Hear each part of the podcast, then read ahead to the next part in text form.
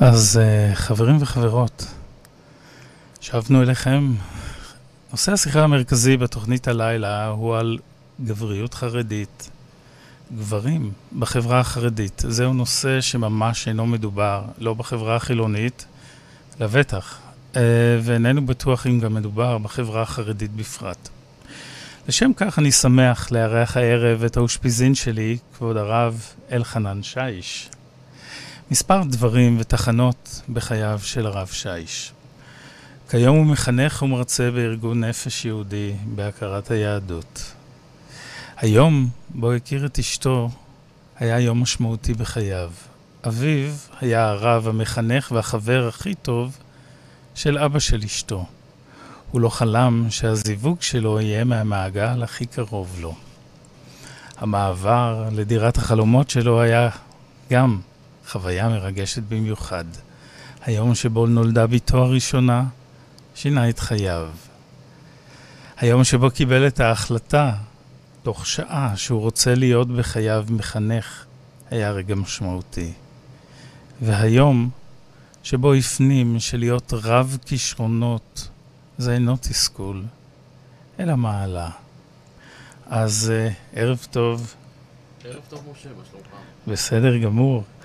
Uh, אני שמח לארח אותך פה איתי בתוכנית. אני רק אבדוק איתך שהמיקרופון שלך קרוב מספיק אליך. כן, אנחנו שומעים אותך, הנה אה, עכשיו. הנה, מצוין. יופי, מעולה.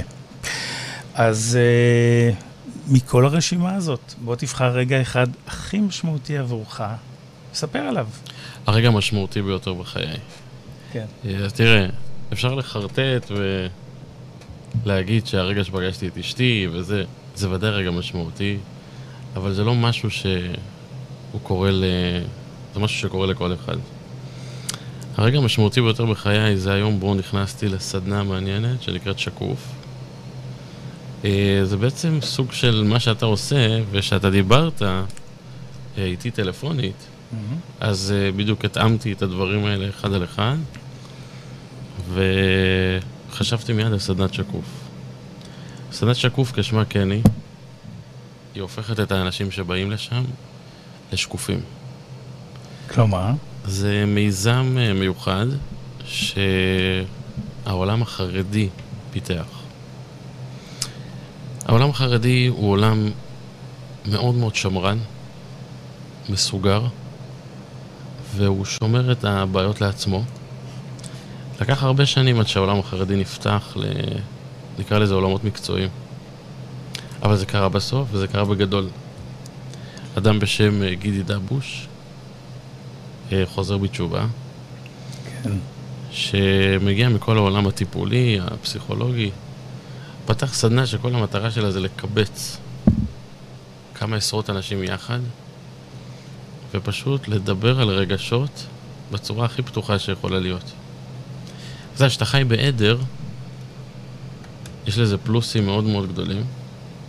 זה שומר מאוד על איזון, אבל יש לזה גם מינוסים קטנים, שאתה לא יכול לדבר חופשי מה שאתה רוצה, אתה לא יכול להגיד הרבה פעמים מה אתה מרגיש, ובמקום הזה הצ'קרות נפתחו. והגיעו. זה מתקיים במתכונת uh, קבוצתית? רק קבוצתית. רק קבוצתית. מה מספר המשתתפים שם, אגב? Uh, זה עובד ככה, זה נורא מעניין. יש בערך 30 שיושבים במעגל פנימי, Mm-hmm. ומאחוריהם יושבים עשרות שכבר עברו את המעגל הפנימי, והם בשלב, כאילו נקרא לזה כיתה ב', בשלב של הם מקשיבים לאנשים אחרים והם לומדים להקשיב. ואחרי זה עושים להם סימולציות על מה שמעתם, מה אתם הייתם פותרים את הבעיה. שיקופים. שיקופים או עידודים. וכל אחד חייב לדבר שם ולהדגיש מה המצוקה שהוא הגיע איתה. איך אוספים את המשתתפים? מה זאת אומרת? זה כמו העולם המודרני המתקדם. אה, יש ניוזלייטר של הארגון שקוף, כן. וכל אחד יודע לפנות לשם כשצריך. ומכל הקשת החרדית, מכל הגוונים, מגיעים לשם. מהמקומות הכי אפלים בירושלים. זה מתקיים רק בירושלים? זה נמצא במבוא חורון, אוקיי. שם זה קורה. סוג של כפר כזה. מה התדירות של המפגשים? זה פעם בשבוע. פעם בשבוע. באופן קבוע.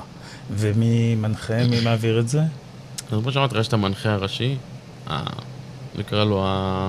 המאסטר, המאסטרו של המקום זה אדם אחד, ואחרי זה עושים קבוצות קטנות כאלה, של חמש, חמש, חמש, מדברים על דברים יותר אישיים, ואחרי זה גם יש פגישה פעם חד שבועית עם מטפל אחד על אחד. מעולה. אז הנה, הקדמנו בכמה צעדים, ועכשיו אני מבקש שנחזור אחורה. חד משמעית. אז בוא ספר לי, בבקשה, אני לא יודע, אני לא מכיר, אני מניח שהרבה מהצופים שלנו, מהמאזינים שלנו, גם פחות מכירים, את המסלול המקביל, החרדי, להתפתחות uh, של, uh, של, של בוי, של uh, נער, ילד, נער, בן, עד שהוא הופך לגבר. תחנות בחייו של uh, גבר חרדי. גבר חרדי, בוא נקרא לו מהיום שהוא נקרא גבר, אוקיי? הוא מסיים בית ספר, ומתחיל מה שבעולם הכללי קוראים לזה תיכון או חטיבה, Mm-hmm. זה נקרא ישיבה קטנה. שכשמה כן היא קטנה, לא מכיוון שהיא קטנה בכמות, אלא היא קטנה בכמות השנים שבה. זה שלוש שנים, שבהם אה, הילד חווה חתיכת פיצוץ. הוא עוזב את הבית כביכול, ויום שלם, מהבוקר עד הערב, הוא נמצא בישיבה, שבה הוא מתחיל לפתח את המוח שלו ולחדד אותו בצורה החריפה ביותר. נחשפים ללימודים של תלמוד, אה, סוגיות כבדות שנוגעות בהרבה עניינים של אה, מתמטיקה ולוגיקה ודיני נזיקין ודברים אה, באמת גדולים, אבל זה כל היום. לפני זה, דילגת על שלב מאוד uh, חשוב בהתפתחותו, או התפתחות הזהות הגברית כן. אצל ילדים. איך ילד גדל, מה הוא שומע? מה ההבדלים בין מה שבן שומע לבת שומעת? מה אתה מתכוון מה הוא שומע? אמירות, נניח בחברה שלנו, החילונית, אה, היחס לתינוקות כבר בגיל עשרה חודשים משתנה. אה, יש שוני, ההורים נותנים תשומת לב לבכי של ילדה בצורה שונה מאשר לבכי של בן. היחס הוא מה אתה בוכה, מה אתה ילדה? קשה לך, מה אתה מתלונן? איך זה, האם יש מקבילות? האם יש אמירות שהן ספציפיות, שונות, דומות למה שאנחנו חווים בחברה החילונית? אה, בנושא של ה... מה שאתה הצגת פה, אין איזה שוני מיוחד. כאילו, באמת, הילד החרדי, כשהוא גדל בתוך הילדות שלו, הוא ממש כמו כולם. זה, זה מסלול ממש ממש דומה לכלל הציבור. השוני באמת מתחיל מהרגע של הבחרות. של הבחרות, הבחרות. כן, פה מתחיל השוני הגדול. פה שם- מתחיל הפיצוץ. כן, שמה? אז כמו שאמרתי לך, זה מתחיל בישיבה קטנה. מהמם, ששם עוברים תהליך של קצת התנתקות מהבית. מהמם. זה יום שלם לימודים. אמ, הוא מסיים את השלוש שנים האלו ועובר לישיבה גדולה. ישיבה גדולה כשמה כן היא, זה מקום יותר גדול גם מבחינת ציבור, אבל גם אה, מתקדמים שלב, מתקדמים למקום שבו עוזבים את הבית טוטאלי. אה, זה חמש-שש שנים של אה, אס- אס- איסוף ידע ענק, לימוד אגדי ושפשוף, גם אנושי, גם מנטלי וגם אינטליגנטי. באיזה גילאים זה קורה? זה קורה מגילאי 14 עד 22, מהמם. זו התקופה. האם אפשר להגביל בצורה כזו או אחרת לסוג של קד"צ ושירות צבאי מבחינת חוויות, מבחינת כן. עשייה, מבחינה אינטנסיבית? חד משמעית. אה, בוא נגיד שהצבא של הציבור החרדי זה הישיבה. ואני יודע שזה נשמע קצת מוזר להרבה אנשים, נכון. כי הם ישר מצמידים את... רגע, מה אתם עושים שם?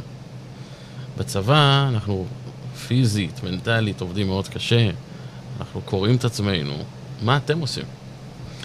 אז אה, נכון אולי שפיזית אנחנו לא קוראים את עצמנו, אבל אה, אדם שמגיע לישיבה הוא סוג של מתנתק מהעולם.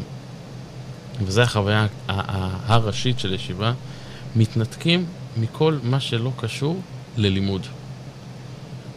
אני יודע שהיו לי כמה שיחות עם כמה אנשים לפני שאנחנו יושבים פה הערב. אז uh, באחת השיחות, גם עם רב אחר, uh, הוא סיפר לי, מהזרם הוא מהזרם הליטאי, uh, הוא סיפר לי שכשבן נולד, ישנה הסללה מאוד מוכוונת מבחינה משפחתית, שהבן הזה ילך וילמוד ויהיה גדול בתורה. ולשם כך כל המערכת מתגייסת כדי שזה יקרום עור וגידים. ולכן משחררים אותו מהרבה מטלות יומיומיות בבית, משום ההסללה הזאת. אמת. אה, בוא נגיד שהגבר במשפחה החרדית, או הבן, אם אתה הולך על השלב המוקדם, זה באמת החלום של כל הורה, זה שהוא יגיע למעמד של, אה, אני לא אקרא לזה רב, כי זה יוצר משהו נורא כזה פשוט. שבאמת יהיה אדם שכל כולו מעתיק את עצמו למה שכתוב בספר. כן. לתורה. תורה זה הוראה. זה כללים שאנחנו מאמינים שהבורא נתן לנו, וזה משהו שחייבים לקיים אותו. Mm-hmm. ובשביל שתקיים אותו, החברה החרדית יצרה לך מעגל, כמו שהוא אומר, מאוד מאוד ברור, עם המלצות ברורות ועם ניסיון רב שנים. מה כן. טוב לך ומה לא. זאת אומרת, יצרו עבורך כן. סט, נכון? חד משמעית. כולל ציפיות ממך. ומה קורה אם הציפיות גדולות מדי?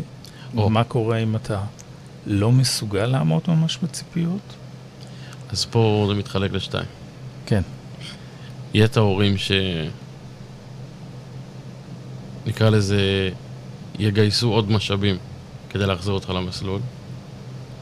שהם? איזה משאבים? אם זה משאבים של... אה, אתה לא מסתדר נגיד בלימוד מסוים, אז יקחו לך מישהו שיעיב עליך את הלימוד. אולי אתה לא אוהב כי יש לך איזה מחסום מול המורה שלך, מול הרב שלך. אז בוא ננסה לפתור את זה בדרכים יצירתיות. אבל אני מאמין שאחרי כמה שנים, אם זה לא יעבוד, יהיה כאלה שגם ידעו לשחרר ולהגיד, אוקיי, הוא רוצה דרך קצת שונה, אז בוא נאפשר לו את זה. בחברה החסידית, אם הבנתי נכון, המסלול שלהם מסתיים פחות או יותר בגיל 21, ואז הם יוצאים לעבוד. ובחברה הליטאית, או במגזר הליטאי, הציפייה היא שהם ימשיכו, שהגברים ימשיכו במסלול התורני, בלימוד ובנשיאת תפקיד כלשהו. אה, בציבור החסידי, זה לא, שזה. זה לא שזה ככה ודאי, הרבה מהם, כן, יוצאים בגיל מוקדם לעבוד וכולי, אבל השאיפה גם מהם לראות המשך של עלייה והתקדמות. אבל בציבור הליטאי אכן באמת אה, יש מה שנקרא את המסגרת של הכולל. זה אברך שאחרי שהוא התחתן, הוא כאילו ממשיך לישיבה יותר, אה, נקרא לזה פרי סטייל, יותר כאילו חופשי. אבל זה מסגרת של לימוד אה, יום שלם. אז אפרופו נישואין, בוא ספר לי על המערכת הזוגית, על חלוקת התפקידים בבית כאשר גבר חרדי נישא. אז בגדול, הכל מתחיל עוד בדייטים, מה שאנחנו קוראים לזה הפגישות. כן. התיאום ציפיות בין הזוג הוא נורא נורא ברור, משום שברגע שאתה מגיע ממוסד כלשהו, אז כולם יודעים מה הסחורה שמגיעה מהמוסד ההוא. סחורה הכוונה לאיכות הגבר? איכות הבחורים שיש שם. איכות הבחורים, אז זה, זה מוצר. לא, חס ושלום. אני אומר את הסחורה, אני כאילו מכליל. לא, אבל גם אבל... ההתייחסות החברתית שם, היא אם אתה בוגר ישיבה או כולל או whatever, בעל שם, אתה נחשב כמובחר יותר. בדיוק, יש ticket. אני קורא לזה סחורה, זה ticket כזה. כן, כן. אוקיי. אז גם הבחורה יודעת מה אמור לבוא משם. וגם הבחור יודע מה אמור לבוא מהמוסד שהיא באה. ולכן התיאום ציפיות הוא מאוד קל. שהוא? ענבי הגפן בענבי הגפן. אתה יודע שמוסד א' מתאים למוסד ב'. אז זה הכל מוסלל מראש. פחות או יותר. איפה החופש האישי? החופש האישי מגיע. בדברים יותר אה, אישיים. זאת אומרת, כשאני אומר, יש מסלול, המסלול הוא בדברים הקריטיים. שהם? שהם עבודה ולימודים, מה השאיפות שלך. שבעצם זה הדבר העיקרי, שאתה רוצה, שאתה אומר אמירה כמו שאני הולך ללמוד אחרי החתונה, זה האמירה הכי גדולה. וזו השאיפה גם, של כולנו. של מי שיוצא מהעולם הליטאי והחסידי וכל המקומות האלה. ולכן הבחורה יש לה ציפיות נורא ברורות ממנו. אבל הם ידברו על זה, זה לא קשור. אפרופו ציפיות, איזה ציפיות יש לה מבעלה? הציפיות זה מה שחינכו אותה. ש... שזה? שזה. אה, בעל שדבר ראשון, בן תורה. בן תורה זה אומר, כל כולו שייך לקיום הלכה, קיום מצוות, אבל לא מספיק רק הקיום. צריך שהוא גם יחיה את זה. זאת אומרת, אנחנו, אנחנו, כל המערכת הישיבתית שלנו בנויה על זה שלומדים תורה לא רק בשביל לאסוף מידע. זה באמת מרים אותנו טפח מעל הקרקע, וזה משאיר אותנו שם. זאת אומרת, אם כל יום, לצורך העניין, אתה כמטפל, אה, יש לך את הידע המקצועי, אבל אם לא כל יום תעשה טיפול זה בקליניקה שלך, אז אתה לאט לאט עם הזמן כאילו תתרחק מהאווירה של זה. ואנחנו... אולי מהאווירה של הקליניקה, לא מהניסיון ולא היכולת, אלה נשארים איתי. כן, בדיוק. אז אנחנו, גם כשאנחנו מקיימים, אנחנו רוצים להישאר באווירה, כי בסופו של דבר זה מגן ועוטף אותנו מכל הרוחות התז... התזזיתיות שבחוץ. אבל מה, אני חוזר שוב לעניין של מערכת היחסים בין הגבר לאישה. במשפחה החרדית. מה הציפיות שלה מהגבר? הציפיות שלה שהוא, אה, במקרה ואתה יודע, זה המסלול הקלאסי שהם באמת יאמו את זה מראש, אז אה, זה ציפייה לגבר שיושב ולומד כל היום. ושוב, זה לא אומר שהוא מתנער מאחריות בבית, אבל הוא יושב לומד כל היום, והוא מנהיג בבית. והיא מקיימת את כל הבית בשגרת היומיום, כולל יציאה לעבודה, כדי לאפשר לו חופש. זה לא חופש. ללימודים. או את היכולת. יכולת. יכולת. יכולת לשבת וללמוד דבר תורה. היא גם מטפלת בבית. בדיוק. היא גם יוצאת לעבודה. כן. והיא מקיימת כל ההלך סביב המשפחה. יפה. ורק כדי שהוא יוכל לשבת וללמוד דבר תורה. כן. זה המון על האישה. נכון. אוקיי. אני לא, לא אכנס לשם, כי גם שם יש לי המון שאלות. אנחנו רוצים להתרכז דווקא בגבר. באחת השיחות שלי שקיימתי, בשיחות ההכנה אה, שקיימתי לקראת הפגישה היום, אז שאלתי על אה, חריקות. הרי הציפייה היא שהגבר יהיה בן תורה, ורצוי שהוא יהיה גם גדול בתורה, ואפילו עילוי בתורה. ומה לעשות? יש מציאות, ולא כולם כאלה. ואז מה קורה? אז קורה שם קסם מאוד גדול, שבשנים האחרונות הוא עוד יותר אה, נפוץ. מבינים בסוף שאוקיי, זה גדול עליי. ואם אתה לא מבין את זה, אז יש מי שעוזר בזה מאוד מאוד מהר. מי עוזר? אז דבר ראשון, אה, הורים נורמליים, או אישה נורמלית, או אדם שהוא שפוי, הוא מבין את זה לבד. לא צריך להגיע רחוק. יש לאדם, יש המון אנשים שיש להם ציפיות מעצמם, הם לא קוראים נכון או מדויק את המציאות, והם עדיין יושבים וחולמים שיום אחד, שאם הוא ישקיע יותר ויותר, יום אחד הנס יקרה. אבל הוא לא באמת קורה. כן. גבר שחרדי, שלא באמת מרגיש מאה אחוז שמה, בבית המדרש, הוא יצא מהר מאוד. אין משחקים בזה. אתה לא יכול לשבת על המקום ואיך אומרים? לחלום. גבר ש... עזרו לו להגיע למסקנה הזאת, שהוא לא יהיה עילוי, בתורה. מגיע הרגע שבו הוא חוזר הביתה, עומד מול אשתו, ומה קורה אז? ב-2021 כן. יש המון פתרונות. מהמם. תשמע, הציבור החרדי מאוד מאוד גדל, כן. וקמו המון המון המון, אה, נקרא לזה מוסדות, או ארגונים, או עמותות, מהמם. שבאמת עוזרים לגבר החרדי, שהגיע למסקנה שהוא כבר לא יכול לשבת ולהמשיך ללמוד, אלא רוצה לצאת ולפקוח את העיניים בענייני עבודה, או, או דברים כאלה.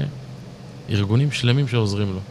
לא אבל ארגוני אני. שאל, אבל אני שאלתי על האישה, ואתה ענית לי על ארגונים. אז בוא נחזור לאישה. אוקיי. היה לה חלום. גידלו אותה, חינכו אותה, עיצבו אותה לקראת זה שבעלה הולך להיות איש תורה, איש גדול בתורה, אולי עילוי בתורה, והנה, בום, מגיעה המציאות ומראה שזה לא בדיוק. מה קורה לה? אה, אני אגיד לך מחוויה אישית, כן. ממש, חוויה אישית, לא מתרסק שום דבר. לא נופלים אבנים מהשמיים. יש איזו השלמה. אם בני הזוג חיים בקשר טוב ומדברים על זה, הם מבינים את המציאות. כמו שהם מבינים את המציאות שפתאום יקרה משהו ב, ב, בדירה שהם גרים בה, יקרה איזו תזזית אה, רפואית במשפחה, חס ושלום, קורה משהו עכשיו במשפחה וצריך לעבור אותו. האם מה שאתה אומר כרגע הוא שייך לזרם מסוים? הגישה הזאת, כי יש זרמים מאוד מאוד שמרניים, מאוד מאוד מאוד סגורים. האם מה שאמרת כרגע הוא נכון, הוא רלוונטי לזרמים מסוימים, בשעה שלאחרים הוא לא? יש מיעוט גדול שזה באמת לא יהיה שייך לו. מיעוט, סליחה, מיעוט קטן שהוא לא שייך לו. הרוב הגדול מבינים את זה, זה איכשהו, אוקיי, היה חלום, אבל איך אומרים, חלומות לחוד ומעשים לחוד, ובסוף מבינים שצריך לעשות צעד שונה קצת. אני, בהמשך לזה, אז אני אגיד שאני גם שמעתי שבמידה, או ברגע שקורה, שמבינים שאותו גבר לא יהיה עילוי בתורה, אז המשפחה עצמה מתגייסת, המשפחה, האישה, עושי דבר, מתגייסים כדי ליצור לו תפקיד, משרה כלשהי. אם הוא לא מתקדם במסלול התורני, הוא יתקדם במ- במסלול המקביל, שהוא מסלול של עשייה עבור מנהל בית אה, מדרש ועוד ועוד ועוד תפקידים, כדי לשמור, אני משתמש במילה החילונית, פאסון, כן? שהגבר אמנם הוא לא כזה, אבל הוא מאוד יוצלח בכיוון של עשייה. אמת, אמת. הדבר הזה מאוד מאוד נפוץ, וזה נקרא תפקיד תורני. אם עד עכשיו היית רק תורני, עכשיו זה נהיה תפקיד תורני. ובאמת, זה, עושים את זה לא מכיוון שאין איזה ידע בחוץ. זאת אומרת, אני לא אסתדר בתחומים אחרים, זה גם לפעמים קורה, זה בעיקר קורה כי זה באמת, האדם החרדי מאוד רוצה להישאר באווירה. כמה שהוא יוצא מהאווירה, והניסיון הראה את זה, הוא מתרחק. אני גם שמעתי על uh, מקרים שבהם הג- הגבר היה טיפה פחות מוצלח, האישה שהייתה באמת אה, אשת חיל ואפילו עשתה והרוויחה uh, כספים טובים, הלכה וסידרה ושילמה כסף כדי שלבעלה תהיה משרה כזו או אחרת, לא בידיעתו. אוקיי, אישה מוכשרת מדי. זה לא, מדי. כן, זה לא, זה לא משהו נורמלי, זאת אומרת, מה שאתה אומר, זה היוצא מן הכלל. לגמרי. אוקיי. כן. אבל איך אמרת? תורה ועשייה לצד? אלה שני המסלולים החשובים? תורה, יש תורה ויש עשייה תורנית. עשייה תורנית. זה הדבר שהוא, נקרא לזה, ברירת מחדל. אוקיי. ספר לי על תחרות בין בני זוג.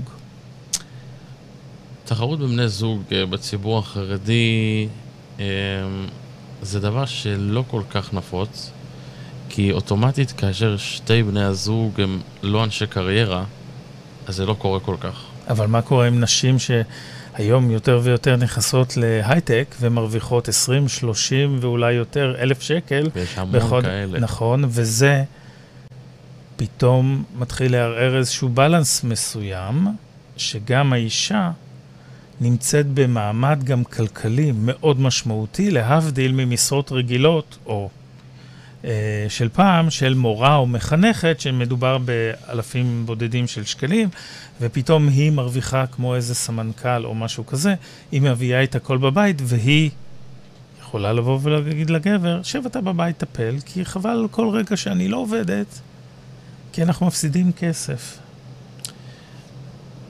בדרך כלל אישה שנמצאת במעמד הזה, המניע והמנוע שלה להגיע למ- למעמד הגבוה הזה, זה כי היא יודעת שהיא רוצה להקריב את כל החיים שלה כדי להגיע לתפקיד מאוד גבוה, כדי שהבעל יוכל להמשיך במתכונת שהיא רצתה. זאת אומרת, זו הקרבה שבאה מתוכה. אם זה לא הקרבה שבאה מתוכה, רוב הסיכויים שזה לא... היא לא תגיע גם למעמד הזה. גבר שנמצא בסיטואציה כזאת, ואתה אומר שיש נשים רבות. שעובדות בהייטק ומרוויחות סכומים גבוהים מאוד, איך לדעתך הוא מרגיש? הוא מרגיש נהדר, כי? כי בהגשמה עצמית מטורפת. היא בהגשמה עצמית, והוא ויש לה סיפוק אדיר, מעולה, והוא, והוא יושב במקום שהוא רצה בו, כלומר, רק ללמוד. ומי מטפל בבית? אם היא בהייטק? לא, אז זה נשמע תמיד שהגבר מנותק לחלוטין, לא אמרתי מנותק, שאלתי איך הבית מתנהל. אז הוא עוזר המון. אז הוא עוזר המון. אז אם המון. הוא עוזר המון, זה על חשבון הלימודים שלו נכון. בתורה. נכון. ואז, אם הוא ייעד את עצמו ל-X של לימודי תורה, הוא כבר לא יכול כל כך, ויש אצלו פשרות. הוא זהו. עושה פשרות כדי לקיים את הבית. יפה, אז אנחנו לא סופרים את זה לפי שעות. זה נשמע שכאילו, אה, אתה, אשתך, אתה לא, צריך לא, עזרה. אני מדבר על התנהלות. זאת אומרת, כן. האישה נמצאת בהייטק, הגבר צריך ממש לטפל, ויש הרבה ילדים בבית, באופן מאוד מאוד מציאותי, לטפל בדברים שאשתו לא יכולה להגיע אליהם, מהמקום הזה. חד משמעית. אז והג... וזה, אנחנו מדברים על גבר שלא היה רגיל בכלל, שלא חונך ולא גדל לעשות את הדברים האלה, פתאום הוא מוצא את עצמו בסיטואציות חדשות לחלוטין מבחינתו, כולל הקרבה מסוימת של לימודי התורה שאליהם הוא יועד מלכתחילה. מה? אז הרבה פעמים באמת הוא, הוא יוצר לעצמו חורים במהלך היום, כדי באמת לעזור ולהרים את הבית. ואם זה אנשים באמת שמרוויחים כאלה סכומים, אני מכיר אישית הרבה כאלה, מרוויחים המון, לוקחים עזרה תמורת כסף. מה הבעיה? זה הרי סכומים גדולים. אבל הבעל נותן לעצמו במקרים הרגילים חורים במהלך היום, על מנת באמת שאשתו תגשים את החלום שלה, ושהיא תהיה לה טוב במקום שלה, והוא לא נהיה פחות מזה. הוא מוותר על שעות, אבל הוא משלים אותם אחר כך. כמה כסף הוא נושא חשוב ומשמעותי במגזר החרדי? כסף הוא נושא חשוב כמו אצל כולם.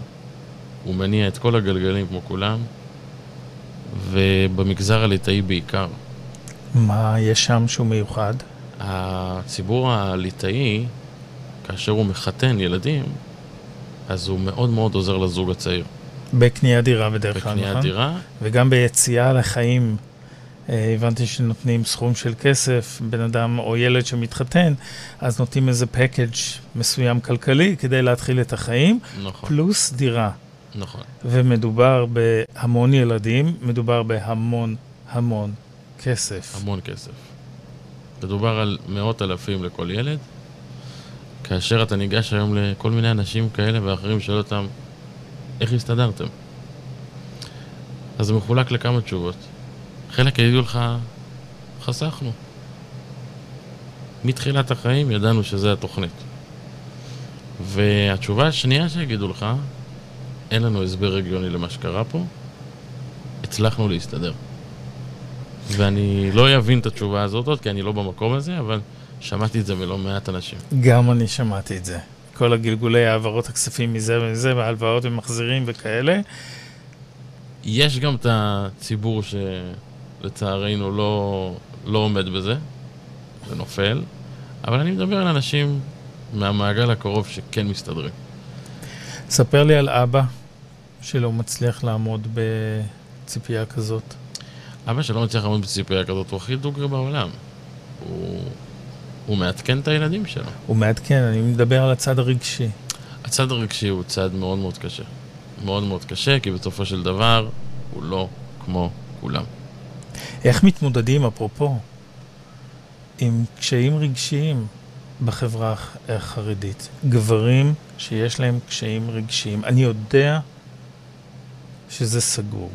אני יודע שלא מדברים על זה, שלא מכווינים אותך להיפתח ולשתף. אז מה כן, בן אדם מתפורר מבפנים? בשנים האחרונות באמת אה, מאוד מאוד זה נפתח, ומדברים על זה המון, וכמו שאמרתי בתחילת השיחה, שקוף זה דוגמה קטנה למה שקורה. קמו כמה ארגונים שמאגדים תחתם המון המון מטפלים, והם אפילו מחדירים את המטפלים האלה לישיבות. מחדירים לא בקטע של סמוי, מכניסים את זה, את המושג הזה לישיבות, על מנת שבאמת בחורים ידעו שיש להם מישהו שבאמת יכול להקשיב להם, ואם זה בגיל היותר מבוגר, יש אנשי מקצוע, רק צריך פשוט להחליט שרוצים ללכת לטיפול. אנשי מקצוע אה, חייבים להיות חרדים או גם יכולים להיות חילונים? העדיפות היא חרדים, כי ראש חרדי מבין ראש חרדי. אני גם שמעתי גישה אחרת שאומרת, וואלה, נלך למטפל חילוני, משום שהוא בא אלינו נקי. והוא בא ממקום שהוא לא מעורב. דווקא היתרון בזה שהוא לא מעורב יכול לעזור לי עם פרספקטיבה חדשה על החיים שלי ועליי.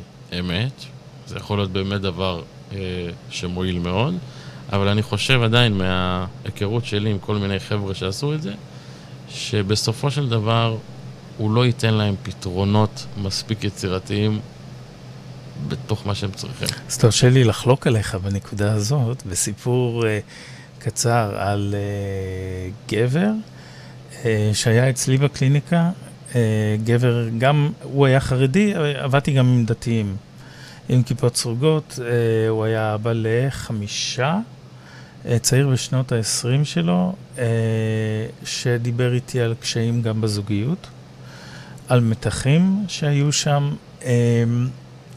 ובמיוחד מה שבלט אצלו, הקושי הגדול מאוד לבטא אה, את מה שהוא מרגיש, את מה שהוא רוצה, את מה שהוא היה רוצה לעשות, את התחושה הזאת של הכלא הממסדי שבו הוא נמצא במסגרת הזאת.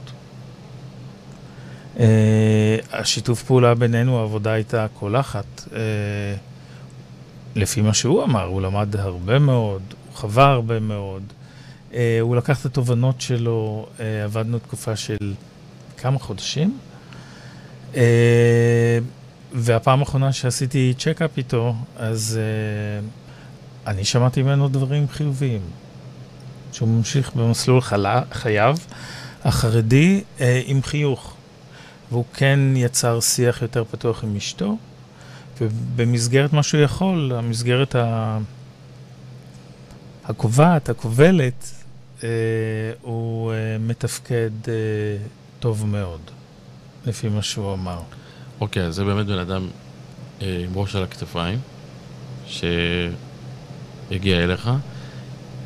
לפעמים מגיעים אנשים מדי תמימים למטפלים שהם לא דתיים, ופה יכול להיווצר איזו בעיה קטנה. מדי, או-אה, הרמת לי להנחתה. הרמת לי להנחתה, סיווגת, עשית labeling, אנשים מדי תמימים. כן. ספר לי על זה. אנשים שלא שמעו מושגים ולא לא מכירים את העולם הגדול, ופתאום יבוא להם מטפל שהוא לא חרדי, תמי, לא... תמים לא זה אומר נופל למלכודת, יש סכנה שהוא ייפול למלכודת. לא, לא מבחינת סכנה. תמימות זה, זה סוג של סגור בתוך קופסה. לזה אני קורא תמים, ופתאום תבוא לו עם איזה רעיון חדש, שהוא כאילו ממש זר לו או מלחיץ אותו, זה יכול להכניס אותו לאיזה אקסטזה, או לברוח, או, או באמת ליישם את מה שהוא קיבל, וזה לפעמים יכול לתת לו... אז בוא אני אגיד לך היכן אתה שוגה, לפחות לגביי. Mm-hmm. אני לעולם לא מייעץ. אלא אם כן, שכרו אותי לתפקיד של יועץ. אני לא אומר לאנשים מה לעשות, אני בודק איתם מה נכון להם, מה מדויק להם, מה מרגיש להם. הם באים ומציעים את הפתרונות, וגם אדם חרדי יבוא ויציע במסגרת, היות והוא מכיר את הסביבה שבה הוא חי, הוא יבוא ויגיד מה נכון לו ומה לא נכון לו.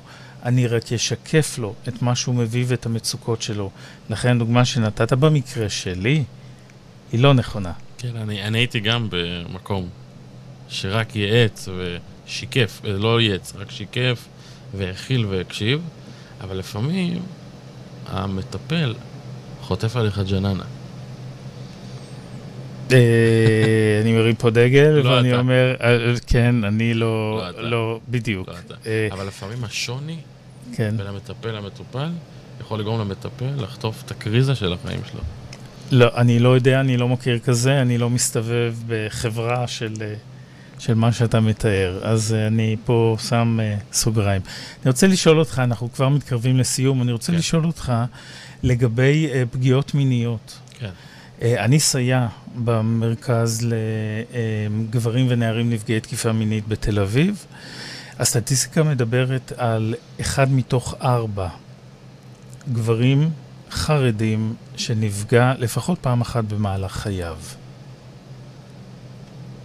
איך מטפלים בזה אצלכם? בציבור החרדי יש היום מטפלים מוסמכים בעניין הזה, ממש. הבעיה היא שהם לא נכנסו עוד לכל המקומות. זאת אומרת, חסר אותם בכל מיני מוסדות מסוימים, אם זה בישיבות, שזה מקום כבר שממוסד מאוד עם המון בחורים בגילאים מבוגרים, לשם זה עוד לא נכנס, אבל זה בתודעה לחלוטין, ומטפלים בזה בצורה יותר רגועה, יותר שקטה, פחות עושים מזה דרמה. האם גבר שנפגע מינית, כמו שאתה אומר, מטפלים בזה בצורה שקטה ורגועה, זאת אומרת בסוגריים, בשושו, כן. האם גבר שנפגע מינית נחשב, וזה נודע, נחשב כפסול חיתון? ממש לא. ממש לא. הפוגע הוא פסול חיתון. הנפגע ממש לא. שוב, כמה שיודעים מה זה עשה לו ומה זה יצר לו, אבל בסופו של דבר אה, לעולם לא נדע.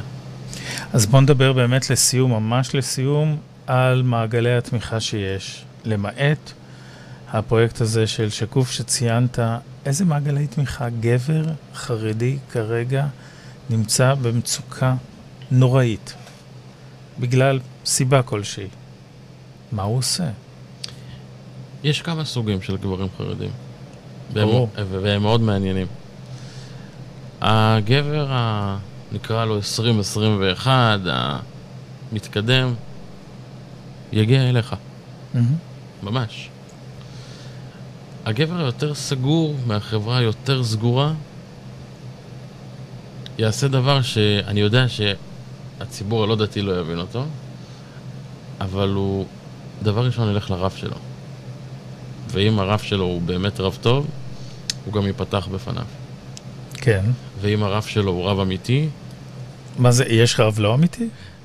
לצערנו, יש הרבה אנשים שהם רבנים, אבל הם גם נהיים פתאום מטפלים. אז תסביר לי מה, מה רב אמיתי הוא גם רב מטפל? אדם אמיתי, וזה גם אני למדתי מתוקף תפקידי, יש מקומות שהוא יודע להגיד, סטופ. יש איש מקצוע, אני לא מבין בזה. אבל יש אנשים שלפעמים, אתה יודע, התפקיד שלהם, וזה לא רק רבנים, זה המון אנשים בעולם, הם נמצאים במעמד גבוה, ולפתע מחליטים שהם גם מטפלים. הם גם יועצים זוגיים. הם גם זה, הם גם זה. גם על זה שמעתי. אז הוא ידע לה, להרים את היד ולהגיד לו, תשמע, אתה הולך אליו ואליו, אדם שאני מכיר באופן אישי, או הומלץ עליו באופן אישי, זה האדם שאתה הולך אליו, הוא יעזור לך. ויש את האנשים שלא מוכנים ל...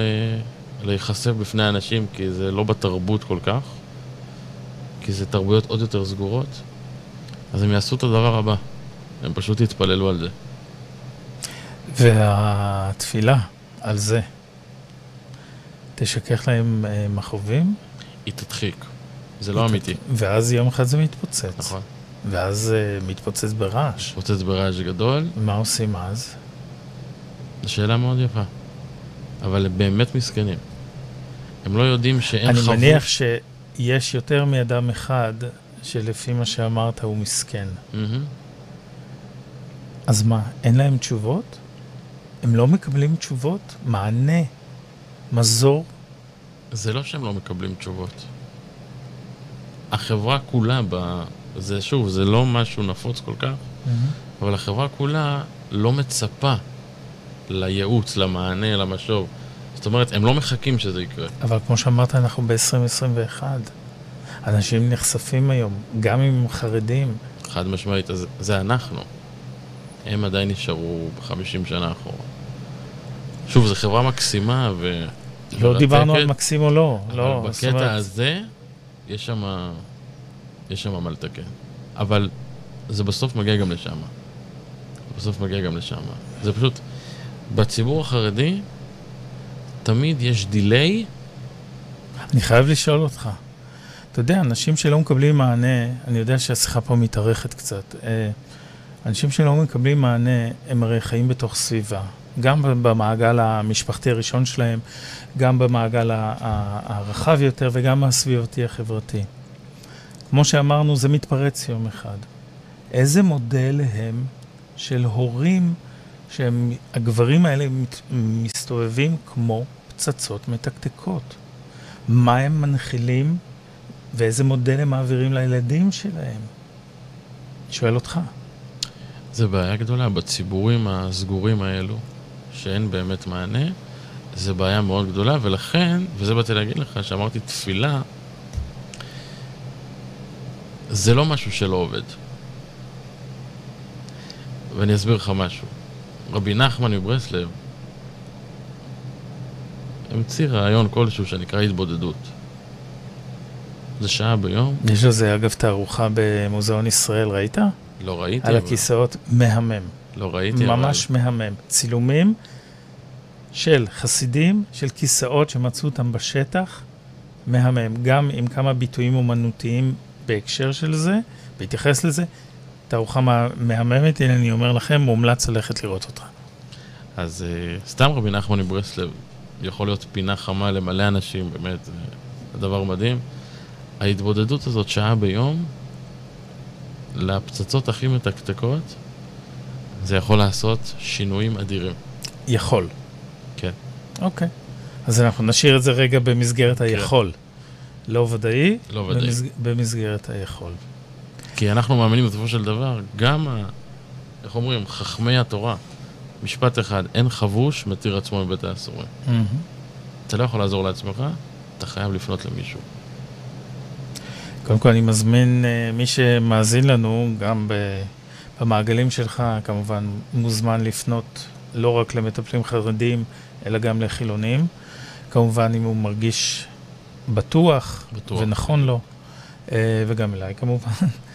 Uh, ואני רוצה לסיום לשאול אותך, או לתת לך את האפשרות בעצם, לבקש משהו. עבור גברים חרדים. כל מה שאתה רוצה לבקש. מה זה יהיה? אם אתם מרגישים שלא מספיק, נקרא לזה... בא לך להגיד את זה למצלמה כן, פה? כן, ודאי. הנה, תסתכל פה ישר. אם אתם מרגישים שאתם לא מספיק חיים את היום-יום שלכם בשמחה, ואני מדגיש, בשמחה, בכיף, אתם לא קמים בבוקר ליום של פריחה, תדברו על זה עם מישהו מקצועי. זה הכל. יופי, אז אני רוצה לומר לך תודה רבה. אני בשם- מודה לך מאוד. בשם הרשמי שלך, הרב אלחנן שיש, וגם אני רוצה לאחל לך ולבני משפחתך שנה טובה ומבורכת. אמן ואמן. המון דברים טובים וחשובים ועשייה לטוב שיקרו לנו, לכם, וגם למעגלים בסביבתך בשנה הקרובה. יופי, אני מודה לך, משה. איך קמתני.